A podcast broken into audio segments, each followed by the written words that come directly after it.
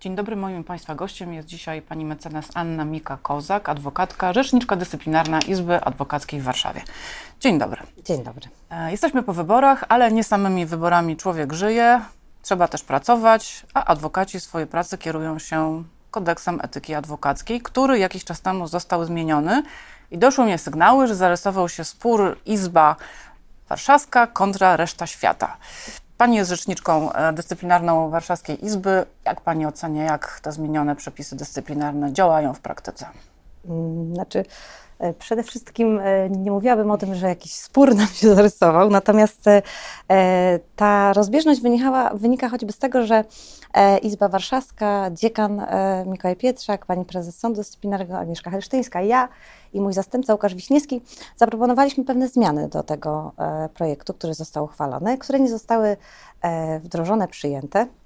Stąd też może e, taki, taka rozbieżność w tym, e, co do projektu naszego, naszych propozycji, a tego, co zostało uchwalone. I teraz e, oczywiście, że te zmiany, bo to trzeba powiedzieć, że to są bardzo daleko idące zmiany, to są zmiany z całkowitego e, zakazu reklamy wpisanego w kodeks, e, co do otwarcia zawodów prawniczych i zawodów regulowanych na możliwość informowania o swojej działalności. To było bardzo potrzebne i niestety to y, zajęło zbyt dużo czasu, ale cieszmy się z tego, co mamy, a nie z tego, co być powinno wcześniej. Także e, Izba Warszawska e, i w ogóle adwokaci warszawscy, jak i myślę też i ogólnopolscy, y, będą bardzo dużo korzystać na tych zmianach, na otwarciu możliwości promowania swojego zawodu, na możliwości przede wszystkim komunikacji z klientem, a klient to konsument. E, I to jest e, bardzo ważne też i ze względu na to, że być może będziemy w stanie wypracować jakiś e, wspólną, wspólną drogę i wspólny projekt dotyczący tego, co można, a czego nie. Ponieważ ta zmiana, o której pani redaktor powiedziała, ona jest bardzo kazuistyczna i ma, zawiera bardzo dużo superfluum, czyli takich powtórzeń, które e, niektóre zapisy wprost wynikały już wcześniej z kodeksu etyki. E, te, które zostały teraz dodane, one są rzeczywiście bardzo szczegółowe. I ta szczegółowość e, i uzasadnienie do tych zmian być może będzie rodziło e, niestety problemy i też e, w Izbie Warszawskiej myślę, że będziemy troszkę szerzej mieli do czynienia w ogóle z postępowaniami dyscyplinarnymi, które będą dotyczyć informacji handlowej. Jednak specyfika rynku warszawskiego jest zupełnie inna niż mniejszych rynków, mniejszych Większa konkurencja. większa konkurencja, śmiertelna konkurencja tak naprawdę. Ta konkurencja e, dotyczy głównie e, osób, które wykonują zawód w kancelarii indywidualnej, bo powiedzmy sobie szczerze, że jaka była wcześniej obawa środowiska adwokackiego przed tym, żeby otworzyć się na tą Duże reklamę? kancelarie zjedzą te Zjedzą mniejsze. nas, ale tak naprawdę to nie jest rynek kancelarii, tylko rynek klienta. Klient, który chciałby pójść do dużej kancelarii, nawet jeżeli zastrzelony zostanie reklamą indywidualnej kancelarii, takiej nie wybierze.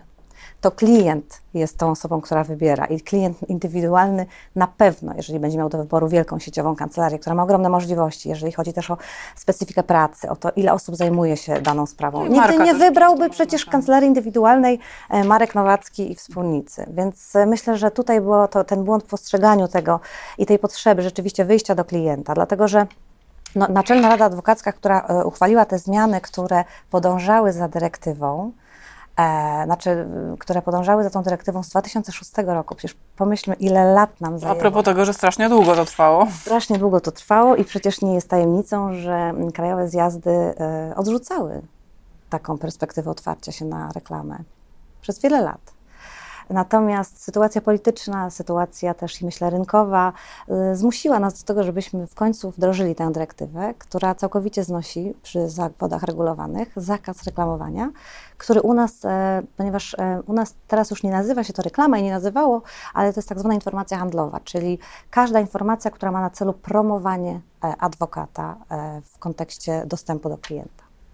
Wspomniała Pani, że jest dużo y, kazuistycznych y, przepisów w zmienionym kodeksie, natomiast przyznam szczerze, że y, jak już nowelizację uchwalono, ja pytałam wielu adwokatów, to w takim razie już teraz wiadomo dokładnie, co wolno, a czego nie wolno i najczęściej słyszałam, no do końca nie, musimy poczekać na orzecznictwo, bo jednak w- ciągle wiele rzeczy jest niejasnych. No to w końcu mamy bardzo dokładne uregulowanie, czy bardzo niedokładne uregulowanie? Mamy bardzo dokładne uregulowania z bardzo nie- niedokładnymi sformułowaniami. To znaczy, e, ja może tak e, po, pozwolę sobie tylko przytoczyć, na przykład, e, że nie wolno nam korzystać z informacji handlowej, która jest podstępna, nieprawdziwa, natarczywa lub niestosowna. No niestosowna, to w sumie Bardzo, bardzo w ogóle trudno powiedzieć o tym, co jest niestosowne, co jest natarczywe. I teraz e, spróbowano posiłkować się badaniami na e, 500-osobowej grupie respondentów. To byli konsumenci i adwokaci. Niezbyt dużo, rzeczywiście to jest bardzo trafna uwaga. I e, na przykład, e, jeżeli chodzi o, o reklamę natarczywą, to ta grupa powiedziała, że baner, który stoi na przykład przy mm, e, drodze szybkiego ruchu, który reklamuje daną kancelarię, jest reklamą natarczywą.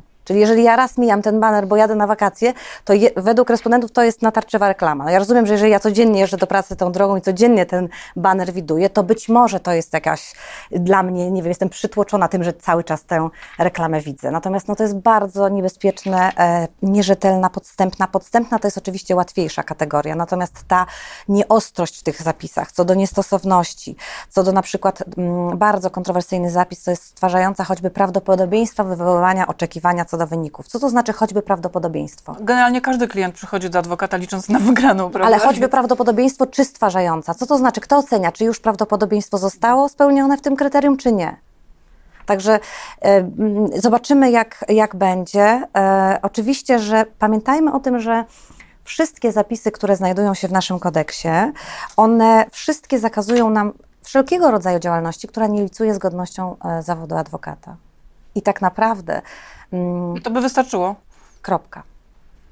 Czyli y, my potrafilibyśmy ocenić każde za- zachowanie, tak jak potrafiliśmy do tej pory, jako nielicujące z godnością wykonywania zawodu. E, I przede wszystkim też takie, które, mam nadzieję, że moglibyśmy i umielibyśmy je ocenić. E, Natomiast e, no, wpisywanie tego aż tak daleko, e, zawierające tak bardzo dużo otwartych, ale w zasadzie zamkniętych katalogów, jest y, moim zdaniem e, mm, utrudnieniem pracy rzeczników. Dlatego, że to może skutkować tym, że w każdej izbie będzie inaczej.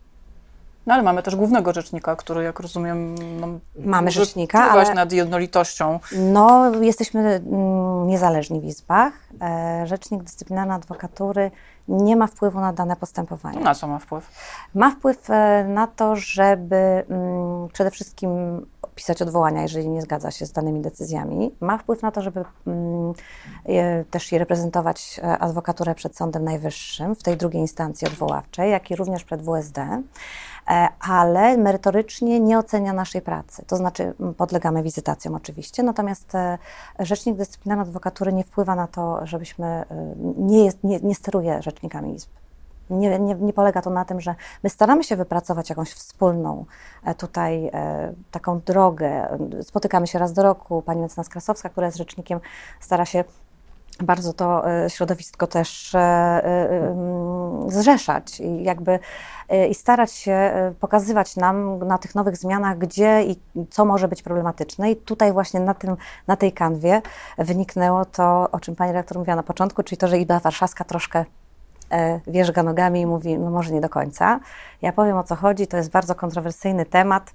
Myślę, że warto rozmawiać, a nie warto tylko krytykować. Dlatego chciałam, żebyśmy wrócili też do tych e, takich nowoczesnych form informowania o swojej działalności, żebyśmy jeszcze raz przedyskutowali AdWordsy, żebyśmy jeszcze raz przedyskutowali kwestię pozycjonowania stron. Być może jeszcze raz wróćmy e, na kanwie tych nowych zmian do tego, co i jak można wykorzystać internet. No właśnie miałam się zapytać e, o to, czy, czy zmiany nadążają za rozwojem technologicznym. Wytłumaczmy widzom, czym są AdWordsy.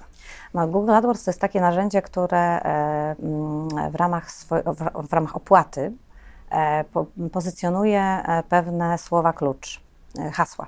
Czyli jeżeli ktoś zapłaci e, za Google AdWordsy i będzie na przykład e, ktoś w, tych e, słowach kluczach, które... Nazwa będą- kancelarii na przykład? nie, nazwa kancelarii nie, to będą zawsze e, przymiotniki bądź e, mm, czasowniki, czyli skuteczny adwokat rozwody Warszawa na przykład.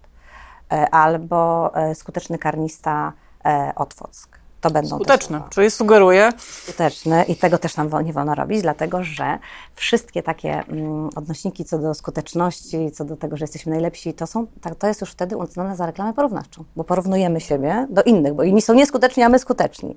I tego też robić nam nie wolno. I teraz my nie wiemy, e, jakie wyszukiwania słów e, dana kancelaria sobie zamówi. Na przykład, jeżeli pani redaktor sobie teraz e, na przykład wbije w internet rozwody Warszawa, to nie wiemy, jaki był klucz wyszukiwania co do tych kancelarii, które nam się pokażą jako pierwsze. E, I oczywiście, że e, Google AdWords jest, e, tak, nas, tak mówiono i tak rozmawialiśmy o tym na ostatnim spotkaniu zastępców i w ogóle rzeczników dyscyplinarnych z całej Polski, że jest to przez konsumentów uznane za reklamę natarczywą. No więc... Że się wyświetla na, na że się wyświetla, no, no właśnie. Ja Oby tego, tylko takie się wyświetlały. No, tak i też przecież my odpowiadamy za środowisko, w którym wyświetla nam się dana reklama, a co więcej, jeżeli my nie szukamy usług adwokackich, i nie, nie, wyświetlą. nie sugerujemy naszej wyszukiwarce, to on nigdy nas nie zaatakuje, więc nigdy nie będzie natarczywał. Czyli jest to raczej wyjście frontem do klienta, Oczywiście. a nie natarczywa reklama. Ja tak uważam. I tak uważał też WSD w swoim orzeczeniu, które było takim kamieniem milowym, ale to nie zmieniło podejścia. Ale się nie przyjęło. No. Nie.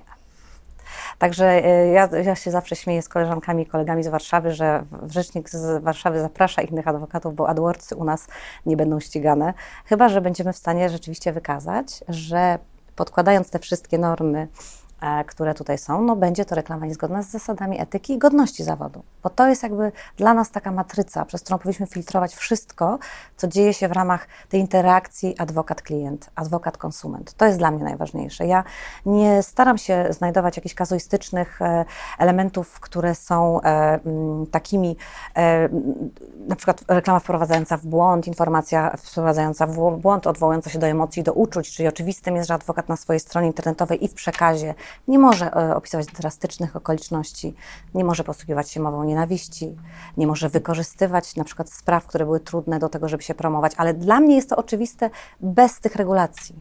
To jest coś, A liczbę wygranych spraw może podawać? Liczba wygra... No więc tak, liczba wygranych spraw, jeżeli zerkniemy sobie na uzasadnienie do zmian, jest zakazana.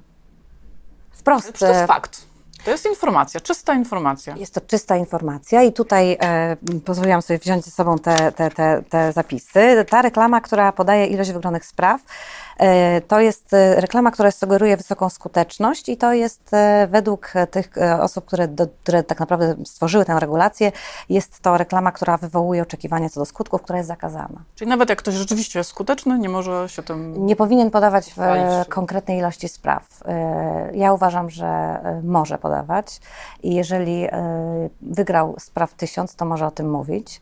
Uważam, że nie ma tutaj żadnych ograniczeń. My nie możemy też siebie traktować gorzej niż na przykład daje nam możliwość prawa przedsiębiorców, bo jesteśmy przedsiębiorcami. Wiem, Zresztą że kancelarie odszkodowawcze nie mają takich oporów. Kancelarie odszkodowawcze w ogóle no, igrają z e, emocjami w sposób e, moim zdaniem niewłaściwy.